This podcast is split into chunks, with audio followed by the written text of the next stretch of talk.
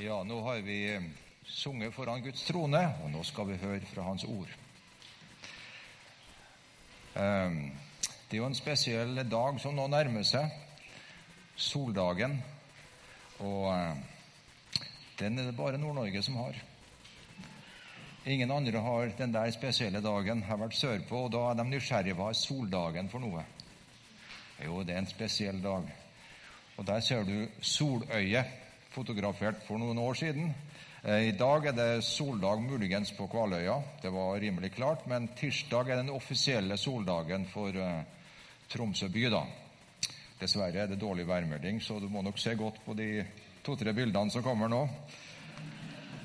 Soløya Soløyet er et veldig fint bilde på et øye som ser. da. Og Derfor har jeg tenkt å vise det fram og markere det litt. Eh, i og med at jeg er også en fagmann innenfor området her. Med, følger med opp i høyden hva som skjer der. Der er en Steinar alltid på vakt om det er noe spesielt som foregår. og Det er et nærbilde av sola for noen år siden. Og Du begynner kanskje etter hvert å følge varmen fra den, for vi har ligget nå i mørket i to måneder, slik at Forventninga er stor. Og selv om det er skyer og litt sånt eh, eh, støy i systemet, så vet vi at det kommer til å bryte igjennom. Sola er på vei. Så selv om det drøyer, så vet vi at eh, det frosne, det er på tur bort. Mørket vil bli overvunnet av lyset.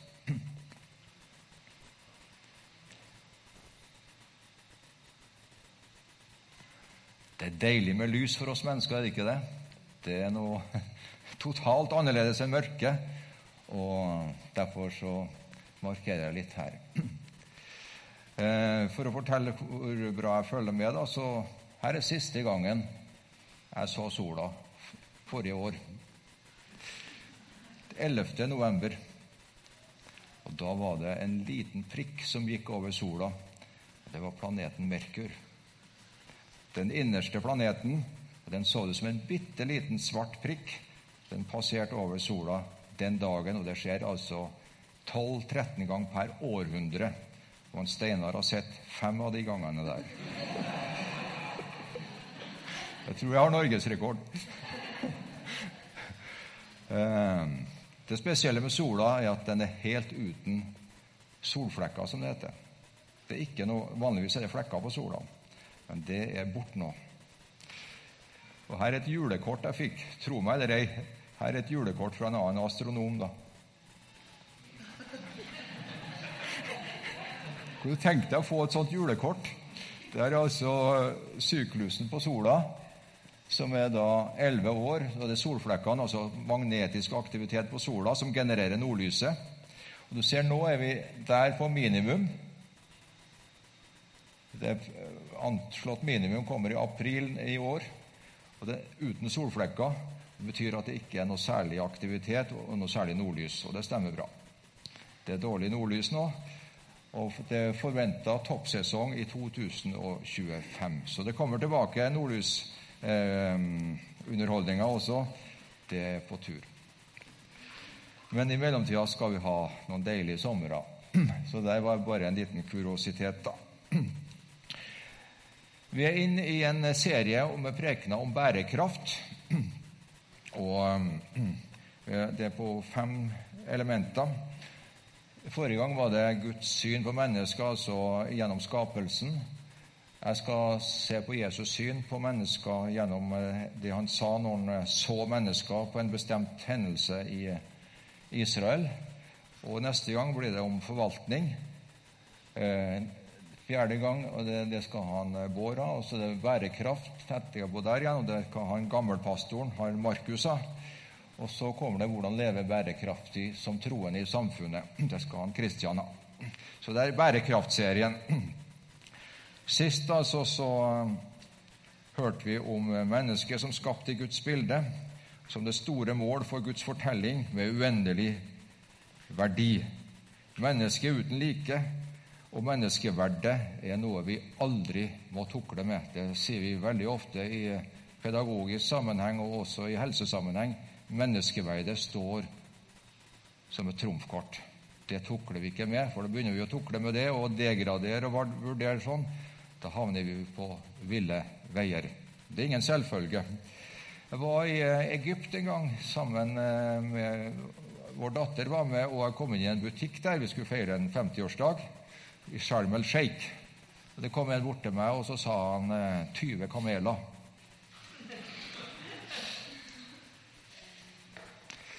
Jeg skjønte jo ingenting. Han gikk opp til 25 kameler. Jeg skjønte ingenting hva jeg skulle med kameler og bud på altså, om jeg skulle kjøpe Jeg hadde ikke bruk for kameler, og jeg skjønte ingenting. Og så så han på dattera vår, da. 30 kameler!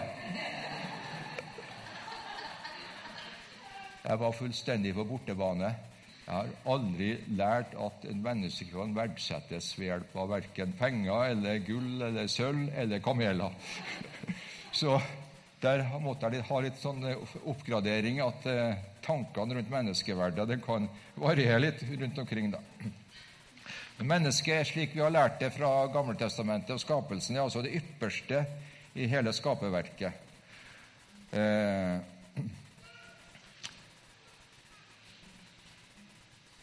Og vi har fått en befaling, nemlig å underlegge oss verden. Alt er gitt oss som gaver, og vi kan råde over det. Fisken i havet og fuglene under himmelen og alt det som en Edens hage som var gitt til oss da. Men vi vet at det var bare starten på historien. Det kom et voldsomt nedtur. Fallet. Tilliten ble brutt. Menneskene valgte å høre på andre stemmer. Og det står så betegnende Så dro Kain bort fra Herren og slo seg ned i landet nådd øst for Eden. Det er kapittel fire. Altså mennesket gikk ut av paradistilstanden og bort fra Herren og var på en annen klode, liksom. Øst for Eden er forresten navnet på en veldig berømt novelle av um, Steinbeck. Selv fortsatt fant jeg på nettet i 50 000 eksemplarer. Det beskriver Kain og Abel i den rå, og brutale verden vi lever i i dag. Skildra i en amerikansk setting. da, og Hvordan de kjemper mot hverandre, og hvordan intrigene liksom er i familiene, og hvordan ingenting er en selvfølge lenger av godhet og sånn. Det er ondskapen som tar innersving gang på gang på mennesket ut fra det fallet der, øst for Eden. Så det bakteppet. Uendelig verdi. Ingen slår oss. Vi er konger i skaperverket som har bøyd av på en avvei. Og hva så? Da kommer vi til Jesus. Redningsaksjonen, det store intervensjonen på kloden. Og jeg, når jeg forberedte meg til preken her, så fikk jeg det der verset for meg og skal bringe det ut på Frimisjonen her. Det her og neste vers. Og Der står det altså følgende Jeg skal tolke det verset i ganske mye detaljer. Uh, Matteus 9. Da han så folkemengden, fikk han inderlig medfølelse med dem for de var forkomne og hjelpeløse som sauer uten gjeter. Og det å se, det har vi snakka mye om i, i denne jula. Noen er flink til å se andre mennesker. Og Jesus var i den divisjonen der han så mennesker. Han så folkemengder til og med. Og så står det han fikk inderlig medfølelse med dem compassion, hjertens medynk, det begrepet brukes kun med Jesus som avsender i Det nye testamentet, Fortsett fra en par ganger i noen lignelser. Men det er bare Jesus som har den der inderlig medfølelsesoppmerksomheten da, etter Nytestamentet. Så mer enn bare en hilsen og en, eh, en eh, oppmerksomhet i den stilen. Det var en dybdefølelse, en dybderelasjon. En, eh, ja, hjertet hans brast nesten for hvert menneske han så. Har vi sånne mennesker i dag? Jeg tror en jeg kom til å tenke på, var han Ludvig Karlsen i Oslo.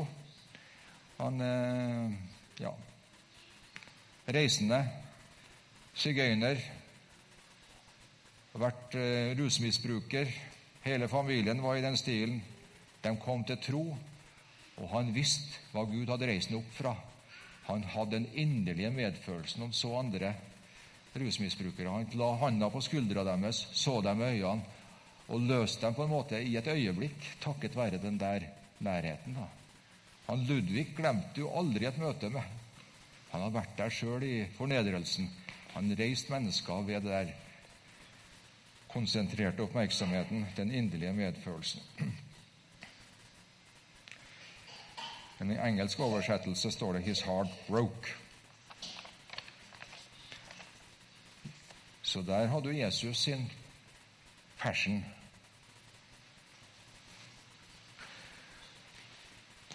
Og så står det også om beskrivelse av oss mennesker. Vi var forkomne, vi var herja forvirra uten mål. Vi hadde rota oss bort. Vi var i mørket, vi var bortkomne sauer. Vi lever på klodens kalde gulv, eller i, under den sviende sol hvis du bor i andre varme deler av verden. Da. Så det var en veldig tøff beskrivelse av menneskene at eh, ja, forkomne folk. Det er rimelig sant, er det ikke det? utgangspunktet er temmelig forkomment, og vi vil føle oss forkommen mange mange ganger i livet, uansett hvor suksessrik vi er. da. Så det er en del av kårene, byrden til mennesket. Jeg har lest om ei bok her som kom eh, for uh, kort tid siden i Norge. Napalmjenta. Det der er et av de mest berømte bildene i hele verdens pressehistorie. Det er fra Vietnamkrigen. Og Det var altså en eh, journalist for Associate Press som tok det der bildet med de menneskene som springer. Det er spesielt hun jenta der. Hun er naken, hun er ni år. Et napalmangrep var i bakgrunnen. Det amerikanske soldater står der nesten som fariseere, og det springer nakne og vettskremte mennesker ut fra krigen. Om napalm det er veldig, eh, krigs, et veldig krigsvåpen, så smelter huden på ryggen. Så hennes, hele ryggen til hun jenta var smelta. Navnet står der. Kim. Hun gjennomgikk etter det der 17 operasjoner og fant en bibel. Kom til tro på Jesus julaften 1982.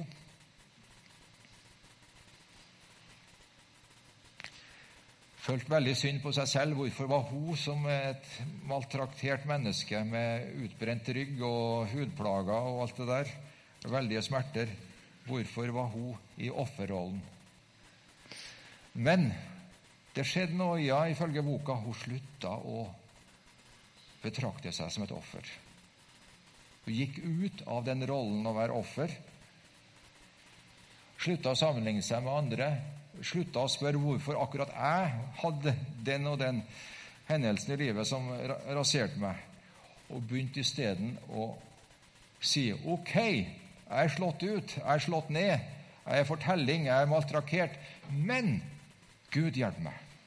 Hjelp meg i min situasjon. Løft meg opp, gi meg et nytt tak i livet. Gi meg en ny uh, mulighet. Bring meg framover og begynte å takke Gud også for det hun hadde som var godt. For eksempel, hun hadde Fotene hennes fungerte fortsatt. Hun sprang godt, så fotene var ikke ødelagt. Faktisk var ansiktet også bra. Så begynte jeg å takke Gud for det som eh, var bra, og ikke så på det som var dårlig. Og Det var også en hemmelighet. Eh, så hvis du har mye skavanker i livet og sånt, så Se på det du, som er bra på, deg. Hvis du f.eks. hører dårlig, for å ta et tilfeldig eksempel, så begynn å takke Gud for at du ser godt. Og eh, det er nøkkel i det. Og Hun begynte også å be for sine soldater, da, fiendene, napalmkrigerne. Tilga dem ikke i første gang, men vi begynte å be for dem. Det går an å be for din fiende som har ødelagt litt av livet ditt. Det går an. Det er lettere det kanskje enn å tilgi dem, da. For de skal jo gjøre opp for seg, dem også. Men hun begynte å be for dem, og det mykna det hele. Så hun kom inn i en helt annen fase av livet sitt. Hun er faktisk da ambassadør for Unesco. Og reiser rundt og forteller om eh, trauma traumatiske hendelser knytta til krig, og hvordan det går an å komme seg videre ved å tenke positivt og det å vandre med Gud. da. Hun er faktisk blitt mamma også, to barn, og eh, har hoppa over til Canada. Hun hoppa over på en reise og fikk søkt, søkt asyl der. da. Og hun, hun og mannen bor i Canada nå. Så det går an. Når det er mulig for noen palmjenter å klare det, så er det mulighet for hver av oss også. altså. Ikke fortell meg noe annet. Med Guds hjelp, vel å merke.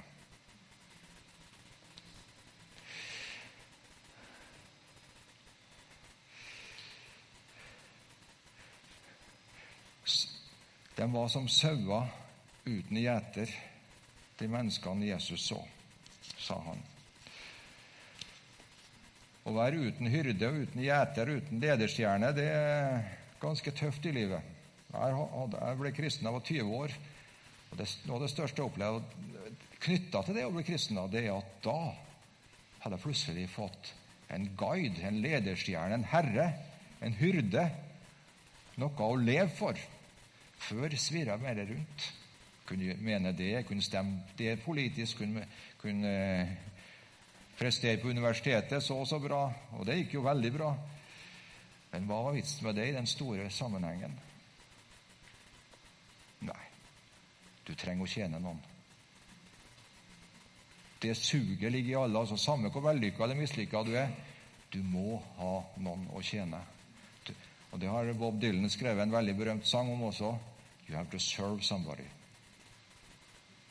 Selv om du er verdensmester i boksing, eller, eller, en eh, ambassadør, eller, eller eh, ja, big businessman. Du må tjene noen. Du kan tjene djevelen sin, du kan tjene Gud, men du må ha, uansett ha noen å vandre for her på kloden. da. En som kan ta handa di og si 'kom', da. Slik er mennesket. Det er avhengig av noe større. For å definere oss sjøl, det er en temmelig håpløs oppgave. Selvreferanse snakker vi om i vitenskapen. Da. Det er, du må ha noe utenfor for å definere ting. da. Noe eksternt. Dessverre er det kommet en understrøm i kulturen nå som sier at eh, du skal definere deg selv. Du må skape din egen mening, du må konstruere deg selv. Og følelsene skal i den konstruksjonsprosessen stå i sentrum. da. Og Man har kalt det for et enokrati, altså eh, følelsene, emotion, emokrati, venter jeg å si. At det er følelsene som liksom eh, det som legges som guide. da. Og, og folk bygger rundt rent subjektive hendelser og følelser og bygger seg på den måten. Det tror jeg er et ganske forgjeves prosjekt. For følelsene varierer og svinger i øst og vest, og de er lite stabile. da. Du trenger noe mer stabilt og noe bærekraftig. Så det å snakke om at man følelsesmessig er født i feil kropp og ikke skulle ha vært sånn og sånn og sånn, hatt de skavankene eller eh, tankene rundt seg, det er et, en eh, bedrøvelig måte å tenke på, etter må, sånn som jeg ser det. Vi må godta vårt kjønn, vårt biologiske kjønn, vår status, vår tilstand. Eh, du kan ikke oppleve noe ved å problematisere det. Derfor så må, må ikke den ekstreme individualismen styre oss. Vi må ha noe utenfor. En referanse, en som holder oss i handa, en som er vår store guide. Da.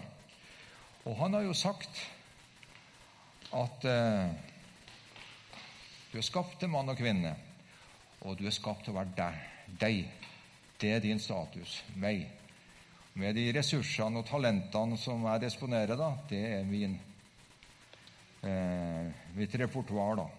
Derfor er det det jeg skal bruke, og det jeg skal ta vare på, og det jeg skal definere som meg selv. da. Så at han har sagt tingene på sin måte, det er en herlig befrielse, sånn som jeg ser det. Vi sparer oss for tusen runder med grubling og finne ut egen vei. For vi har ikke bærekraft eller eh, styrke til å leve på den måten. Vi trenger større fundament i livet. Moralen må aldri bli at fraværet av moral er den eneste moralske sannhet. For Det er også en moralsk holdning å si at fravær av moral er mitt utgangspunkt. Da. Det er etter min mening en dårlig moral. Vi trenger ikke å utsette våre barn for de spørsmålene der som vi har fått svar på fra kulturen, klassisk kristen forståelse i bærekraftig kultur, og som biologi, biologien også understøtter. Vi er den vi er. Så her er det at Bibelen og vitenskapen stemmer veldig godt overens. Ikke sant? Istedenfor den moderne understrømmen i kulturen, at du skal definere deg sjøl og finne et eget jeg, så har du fått et guddommelig jeg som står, han står bak. da.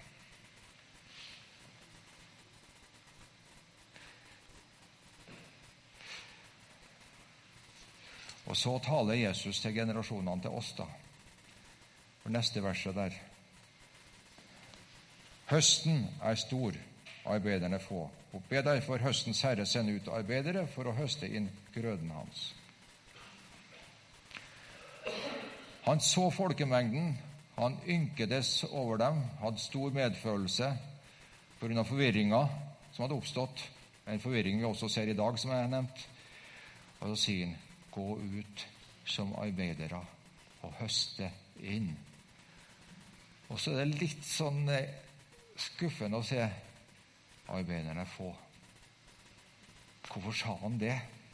Kunne ikke en sagt at det kom millioner av arbeidere, og at det ble, ble liksom eh, kamp om plassen? Nei, hans var realistisk. Han visste hvem mennesket var. Det skulle være arbeidere. Det skulle ikke være så mange som tok imot kallet, og som gjorde det som Jesus ba oss om å gjøre. da. Høste inn til hans liv, til hans rikdom, til hans kall, til hans himmel. Er du en slik arbeider? Er jeg en slik arbeider? Er det noe som stopper oss, hindrer oss fra å komme videre? Er det nye ting på gang innenfor innhøstningsarbeidet i Tromsø? Det begynte jeg å tenke og be over. og det, hvilken frukt er det vi skal se etter, som skal høstes inn til Guds rike? Vi hørte litt fra en Alf her. Og vi var i bønn i gruppe her nede i kjelleren eh, på tirsdag. Og da fikk en Eddie et bilde av det med hva er høsten. Hva er det som skal høstes? Kunne du dele med det oss, Eddie?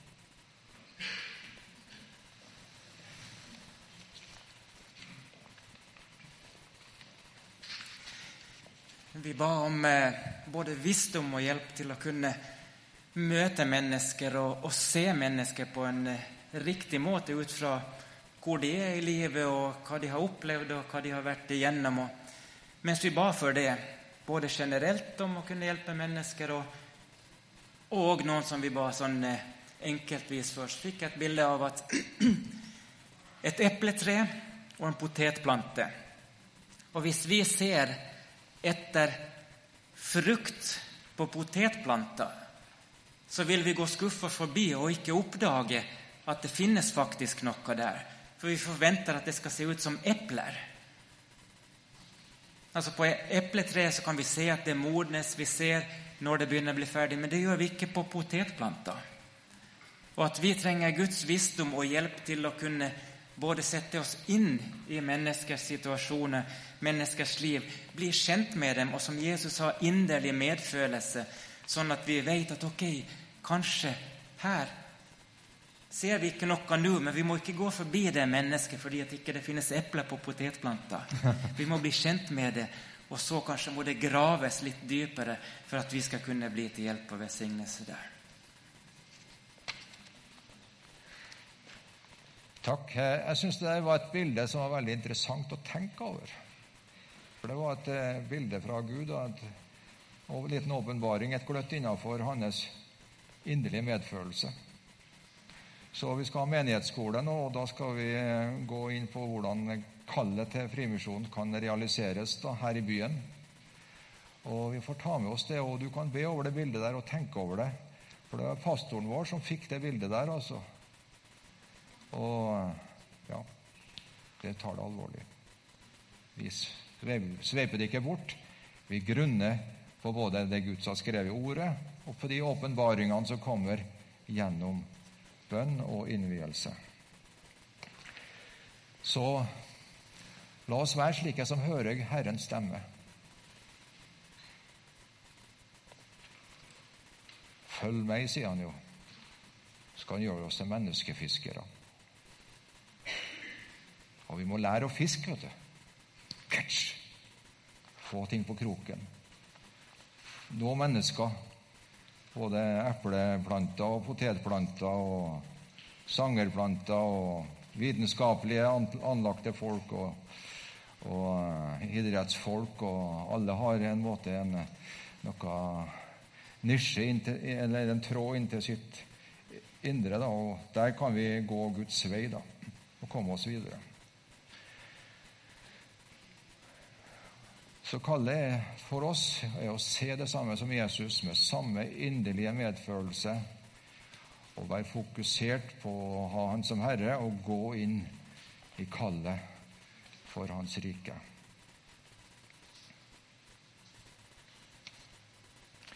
Jeg ble litt sånn, eh, Vi hadde besøk av Nakavana her i, eh, for et par, par dager, tre dager siden, kanskje. Hun kommer altså fra Afrika og proklamere Guds evangelium i verdens ender. Og i, julaften var hun i fengselet og sang for fangene i Tromsø. En afrikansk dame kommer til Tromsø går inn i fengselet på julaften. De gråt. Du skjønner hvorfor. Så la oss liksom inspireres av sånne ting. For det er liksom den der Ja, vi skal ha en ny runde, vi skal finne nye dører, vi skal finne nye åpninger i veien inn til det der menneskehjertene og høsten som er stor. La oss be sammen. Ja, Jesus, takk at uh, du så, og du fortolka, og du sa at det var en høst som skulle grødes, hentes inn, en grøde. Og det er menneskehjerter og mennesker som du har satt en uendelig verdi på. Takk for det, Jesus. Takk for at vi får eh, gå i dine gjerninger. Takk at du skal åpenbare nye ting for oss. Takk at du skal finne de veiene som ditt hjerte banker, Jesus. Og la oss høre kallet og ta det på alvorlig, alvor og ikke sveipe det unna oss, men la oss være som du ønsker oss, Jesus. Det ber vi om. Ta oss, Jesus, og send oss. Vær på vår måte. Ikke gi oss opp, men la oss fullføre løpet, bevare troen. Amen.